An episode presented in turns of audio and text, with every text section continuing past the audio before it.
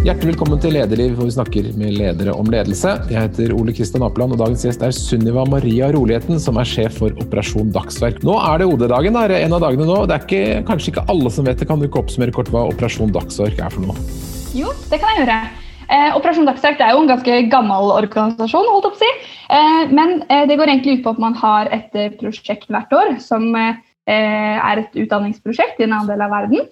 Og så melder norske skoler seg på Operasjon Dagsverk, og da bruker de undervisningsopplegget som vi lager. Og så etter at de har fått uh, informasjon, så kan de velge om de vil jobbe på hodedagen. Og da bruker man én dag til å skaffe inntekter som går til dette prosjektet? Mm, ja, da jobber man i solidaritet med ungdom i en annen del av verden. Og dette har vi holdt på en stund? Ja, det stemmer. Første OD-prosjektet det var i 1964, så det begynner jo å bli ganske lenge siden. Hvor mange skoler er med, og hvor mange ungdommer er med i år? Eh, I dag så runda vi faktisk 400 eh, skoler. Det var veldig gøy. Eh, så vi har 401 skoler og et par stykker som skal melde seg på, for så vidt. Og 87 000 elever. Wow, stort tall. Og ja. Hva går pengene til i år? Pengene går til et utdanningsprosjekt i Uganda. For det er veldig mange mennesker som har reist på flukt fra borgerkrigen i Sør-Sudan og reist over til Uganda. Og det man skal gjøre da, er å jobbe med både lokale ungdom og ungdom som har vært på flukt.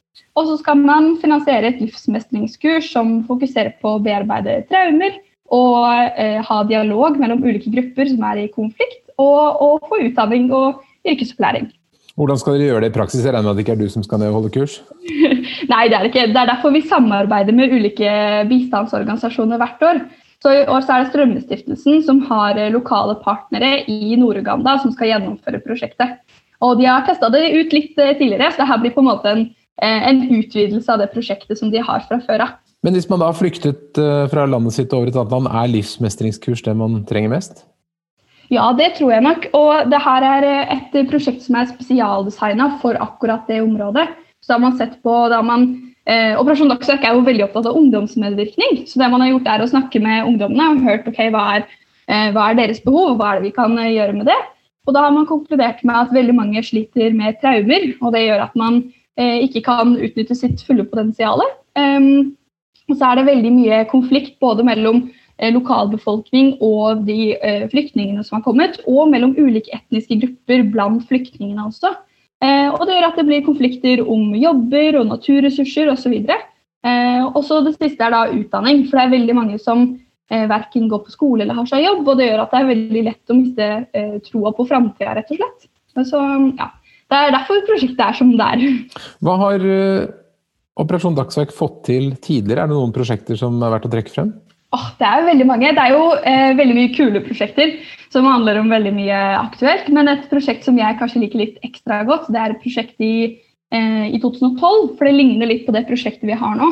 Det var også i samarbeid med Strømmestiftelsen, og det gikk også til et livsmestringskurs. Men eh, det var i Nepal, så det handla jo om litt andre temaer. Som f.eks. kastesystemet og, og barneekteskap og sånne ting.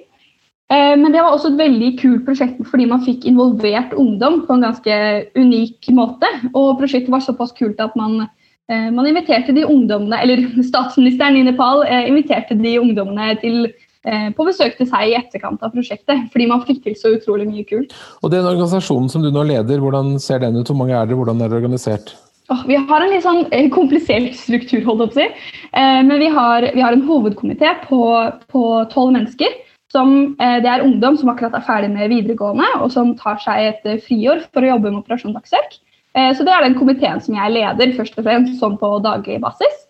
Og så har vi, vi har cirka, jeg tror vi har 19 distriktskomiteer rundt i de ulike fylkene som jobber med å følge opp skolene. Og det er ungdom som går på ungdomsskolen og videregående. Og de er det, cirka, det er overkant av 100 av dem. Og så er det 3000-4000 frivillige på på skolene som deltar, som jobber med å arrangere OD. Og Hvordan ble du leder for alle disse? jo, um, jeg starta på skolen min i 2013. Eh, I 8. klasse. Da jobba jeg med, med, OD der. Eh, og så syntes jeg det var veldig, veldig gøy. Eh, og så Nei, det var rett og slett veldig, veldig spennende. Så da fortsatte jeg å engasjere meg i distriktskomiteen der jeg bodde. Og var leder for den i tre år, før jeg satt av i hovedkomiteen i fjor eh, og leder i år. Og så ble du leder og begynte med dette på og begynte å se fremover. Så På et eller annet tidspunkt så skjønte du vel at det var noe som het korona og at året ble annerledes. Hvordan opplevde du det? Hvordan oppdaget du at ditt år kom til å bli noe annet? Det, det var litt surt. Det var først um hva var det for noe? Det var et av de møtene vi hadde i mars med samarbeidsorganisasjonen vår. Eh, de har jo eh, jobba veldig hardt for å, for å, få Operasjon Dagsverk, så de, jo, eh, de har jo venta lenge på dette og investerer jo en del ressurser og penger, så de vil jo gjerne ha så mye midler som mulig. Så det var de som tok opp spørsmålet først, om det var mulig å kanskje utsette hodedagen, eller om vi måtte gjøre noe annerledes.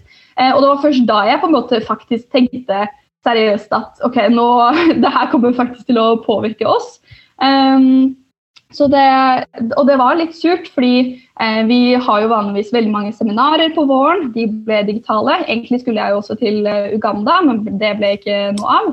For å lage sånn film osv. Så til informasjonskampanjen vår. Eh, I tillegg så var det jo veldig mange som, eh, som var veldig bekymra for hvordan det kom til å, å bli. Um, så det, det, har vært litt surt, men nå har jeg på en måte slått meg til ro med det og prøver å fortelle meg sjøl at uh, ok, det kan jeg si på fremtidige jobbintervjuer, at uh, jeg er løsningsorientert, sikkert. så um, ja. Men OD-dagen har jo ofte vært preget av ungdommer i, i, gatebildet som er ute og selger boller eller andre ting. Hvordan klarer dere å gjennomføre dagen i år? Ja, Det blir jo litt annerledes. og Spesielt i store byer så er det jo veldig mange som selger, eh, selger boller osv. Eh, og har, Den beste løsningen vi har eh, i år, det er det med bidra.no, hvor eh, elevene kan skape sine egne koronavennlige arbeidsplasser. Så Det kan f.eks. være hvis man har lyst til å streame en konsert, så kan man gjøre det og få inn penger. Eller eh, hvis man er superflink med YouTube, så kan man jo også gjøre et ram på YouTube. Eller hvis man vil plukke søppel, så kan man gjøre det og dele på sosiale medier og få inn, få inn bidrag via bidra.no. Det er på en måte det vi promoterer som den aller beste løsningen. For da har man også mange varianter. Da kan man ha jobber hvor man ikke trenger å være i fysisk kontakt med mennesker i det hele tatt. Eller jobber hvor man kan være, kan være litt i fysisk kontakt hvis, hvis eh, smittesituasjonen er det sånn i den kommunen man er. Eh, så det, det, er på en måte den aller beste løsningen, da. Eh, og så er det veldig mange kreative elever der, så selv om det er litt vanskelig, så, så er det mange, mye løsningsorienterte mennesker.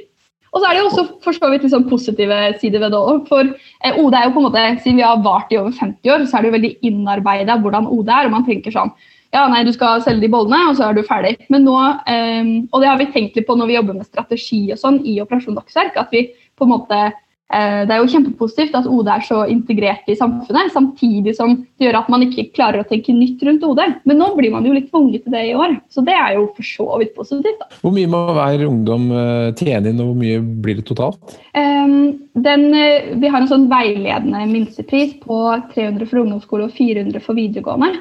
Uh, men um, det aller viktigste for oss er at man på en måte tar et aktivt valg om å jobbe i solidaritet med Eh, med ungdom i, eh, fra Sør-Sudan. Sånn at eh, den grensa er ikke så rigid som man skal ha det til. holdt jeg på å si. Og totalt så blir det til nesten 20 millioner kroner, som går til et, et meget kult bistandsprosjekt. Når du fikk denne lederjobben, hadde du noen tanker om hvordan du skulle være som leder for Operasjon Dagsverk? Ja, jeg hadde ganske mye tanker om det. Um, og det var, uh, Mye av det var fra et kurs som jeg var på i fjor, som heter Future Leaders. Som er et, uh, et veldig, veldig bra kurs. Um, og så uh, er det jo den, den, jobben jeg har, er litt utfordrende fordi uh, jeg leder en komité med uh, Det er elleve andre ungdommer som på det tidspunktet hvor vi ble en komité, så bodde alle ulike steder i Norge. Alt fra Kristiansand til Honningsvåg. og de fullførte videregående samtidig som de jobba med Operasjon Dagsverk. Ingen av dem kjente hverandre. De er veldig, veldig forskjellige mennesker. eneste felles er at de brenner for Operasjon Dagsverk. Eh, så jeg hadde veldig mange tanker om det sosiale.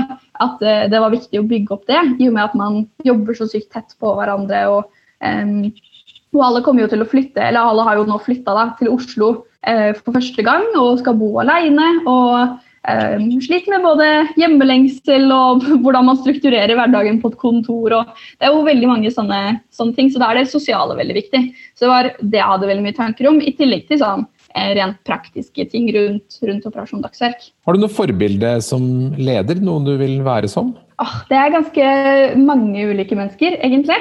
Um, jeg har hatt noen uh, lærere uh, som jeg syns har vært kjempeflinke ledere. Det er jo en sånn rolle man ikke tenker på automatisk når man tenker på ledere, kanskje.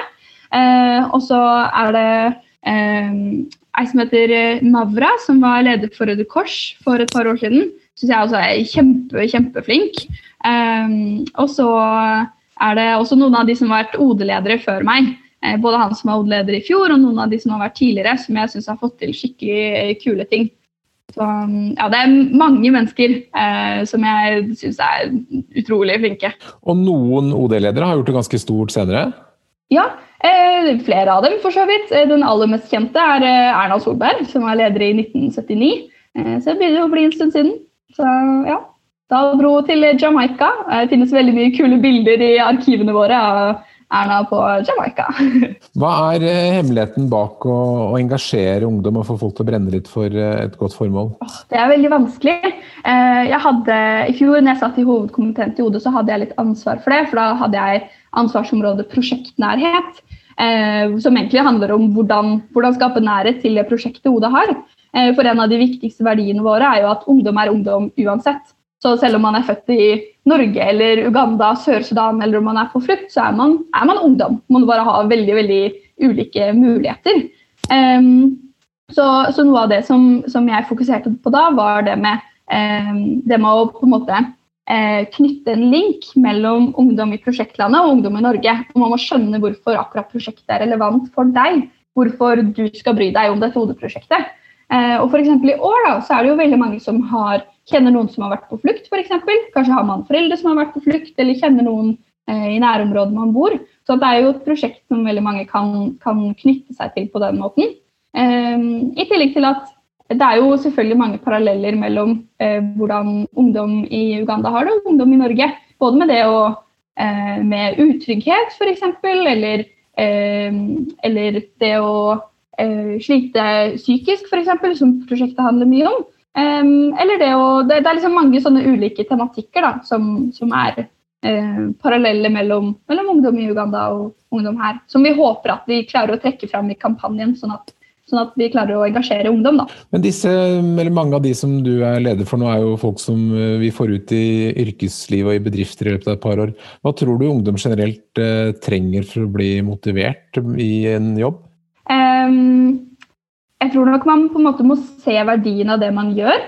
Eh, jeg tror eh, sånn F.eks. hvis man eh, jobber i en Post-It-lapp-fabrikk, da, så kan det godt hende man syns det er litt kjedelig og ikke ser helt verdien av det. Det tror jeg kanskje ikke så mange hadde brent så mye for. Men hvis man får en, får en jobb hvor man ser at en selv har en verdi, og at man er viktig, og det er jo også viktig når man driver med ledelse. Det å få alle man leder til å, til å føle seg eh, viktige. Og på en måte eh, vise for dem at deres rolle er eh, at man er avhengig av dem, da, på en måte. Eh, så det, det, tror jeg er viktig, det med, det med å føle, føle, at man er nyttig. Eh, og så Jeg vet ikke helt, det er jo det er jo vanskelig det med fremtidig yrkesliv, holdt jeg på å si, hva det kommer til å se ut som i det hele tatt. Det blir sikkert noe digitalt, så det er sikkert greit å ha kjørt en OD uten eh, fysiske møter. Ja. er det noen opplevelser som, spesielt, eh, som, du har hatt som leder som spesielt har preget deg? Det er ganske mange, tror jeg. Um, men um, jeg liker spesielt godt det å reise rundt og holde foredrag. Og se, se på en måte um, effekten av det man gjør. Og det å engasjere andre og se at andre faktisk eh, faktisk bryr seg om det man snakker om. holdt på å si. Eh, og, og, litt det samme ser, jo, ser, man jo når man leder en, en gruppe også. Ser hvordan de på en måte eh, utvikler seg, f.eks. Eh, jeg bodde en liten periode i Sogn og Fjordane eh, og gikk på skole der. Eh, og da, eh, Der var ikke Operasjon Dagsverk særlig etablert i det hele tatt. Så jeg måtte på en måte bygge opp en distriktskomité. Så jeg fikk, det var Den gruppa jeg leda, var helt helt nye. Ingen av dem hadde noen erfaring med det arbeidet fra før av. Men det å, eh, det å se hvordan de utvikla seg i løpet av det året, og eh, hvordan på en måte engasjementet deres ble tent, det syns jeg var utrolig engasjerende å være, være, en del av. Eh, og det er noe som jeg tar med videre også, hvis jeg kjenner at det er litt, livet er litt kjipt og det er litt mye som skjer på jobb, f.eks. Så tenker jeg litt på det, og så ja, er det motiverende. Du har jo fått føle litt på det med å være synlig leder og være i media også? Ja, for så vidt. Man er jo litt det når man er i Operasjon Dagsverk. Så deg på Dagsrevyen, hvordan var det? jo, det var, det var, jo litt stressende, selvfølgelig. Jeg visste ikke før eh, Jeg ble oppringt dagen før, og da var de sånn Ja, ja, vi ringer deg rundt 11-12 i morgen, og så bekrefter vi. Så det var ikke så veldig god tid å liksom, mentalt forberede seg. Eh, I tillegg så klarte jeg å miste telefonen min. Um, så det var også veldig stressende, for da hadde jeg ikke kontaktinformasjon til dama i Dagsrevyen. og det var, ja, det var litt kaotisk, men eh, jeg tror ikke det syns på TV. jeg syns det så bra ut. Ja, ok, det er bra. eh, nå hørte Du eller du, du sa jo at uh, tidligere ledere har blitt uh, statsminister litt av hvert. Er det, tenker du at uh, ledelse er noe som du skal forfølge videre i livet? Jeg må jo studere noe på et tidspunkt. Foreløpig har jeg ti studiepoeng i astronomi.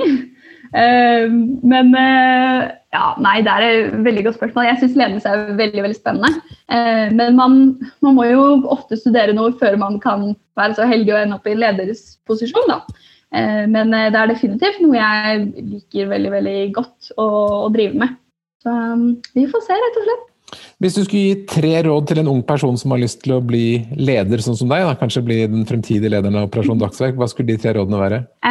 Jeg tror først og fremst så må man finne noe man virkelig bryr seg om. Eh, og, og virkelig klare liksom å, å, føle på at det er urettferdig, eller at man kan investere mye tid i. Eh, så for min del så var det Operasjon Dagsverk. For noen andre så er det kanskje noe helt annet. Um, og så når man er en del av ungdomsorganisasjoner, så er man jo uh, omgås man med veldig mye kunnskapsrike mennesker. Så også det å på en måte suge til seg uh, biter av det andre folk gjør, eller uh, den erfaringen dere har, da, sånn at man kan lære selv. For det er utrolig mange mennesker å, å lære av. og så selvfølgelig det å, å klare å lede seg selv også, på en måte. Det er kanskje det snakka vi veldig mye om på det kurset jeg var eh, på i fjor. det å eh, For å kunne lede gruppe, så må man jo kunne lede seg selv også. Og det, det må man kanskje tenke litt på også, når man, når man vokser opp og starter å engasjere seg. Det er ganske vanskelig det å prioritere tiden sin. Har du noen spesielle råd der, eller? Ja, en ting som jeg har snakka mye med, med de jeg jobber med, er på en måte hva som gir energi, og hva som tar energi. Eh, og man må være veldig bevisst på det, tror jeg. For det er veldig mange ting som, i hverdagen som kan ta energi, og det er veldig mange ting som kan gi deg energi. Så man må på en måte finne balanse der hvor man klarer å gjøre eh, nok av de tinga som, som, eh, gir deg energi, til at man på en måte kommer litt i balanse. da. Det er kanskje så veldig konkret ting som, som vi snakker en del om på kontoret, i hvert fall. Hvordan er energinivået nå like før OD-dagen? Åh, det er så høyt at jeg tror jeg snart sprekker. Nei da. Men uh, det er veldig veldig gøy å se hvor mye de får til på de ulike skolene osv. Eh, og så har vi akkurat eh, starta med noe som vi kaller Verdens beste OD-nyheter. Som er en sånn internavis. fordi det er, jo, det er jo selvfølgelig litt demotiverende å se at uh, f.eks. antall påmeldte elever er litt lavere osv. Så, så, videre. uh, så var det en i hovedkomiteen som jeg leder, som som kom på den gode ideen å ha verdens beste OD-nyheter. Som er sånn, eh, et nyhetsbrev si, som vi sender ut på mail til, eh, til de eh, tillitsvalgte. Um, og så satt jeg og jobba på den i stad, og så putta jeg bilder av folk som holdt foredrag og bilder av folk som hang opp plakater, og så ble jeg bare superengasjert. Så akkurat nå er, er energinivået ganske høyt. Veldig bra. Du må ha riktig lykke til med OD-dagen. Håper det blir kjempebra at dere får inn masse penger. Og så ser vi sikkert deg igjen som leder i noe annet en annen gang. Takk for at du kom til Lederliv, Sunnivari. Tusen takk. Lederliv er en podkast fra Apeland. Redaksjonen består av Ellen Paulsen, Lars Jarle Melum, Lars Volden og meg, som heter Ole Kristian Apeland. Hvis du vil høre mer, så trykk abonner. Da får du varsel når det kommer nye episoder. Og hvis du har noen tips, så send en e-post til tips eller til meg, ole.apeland.no. Takk for at du lytter.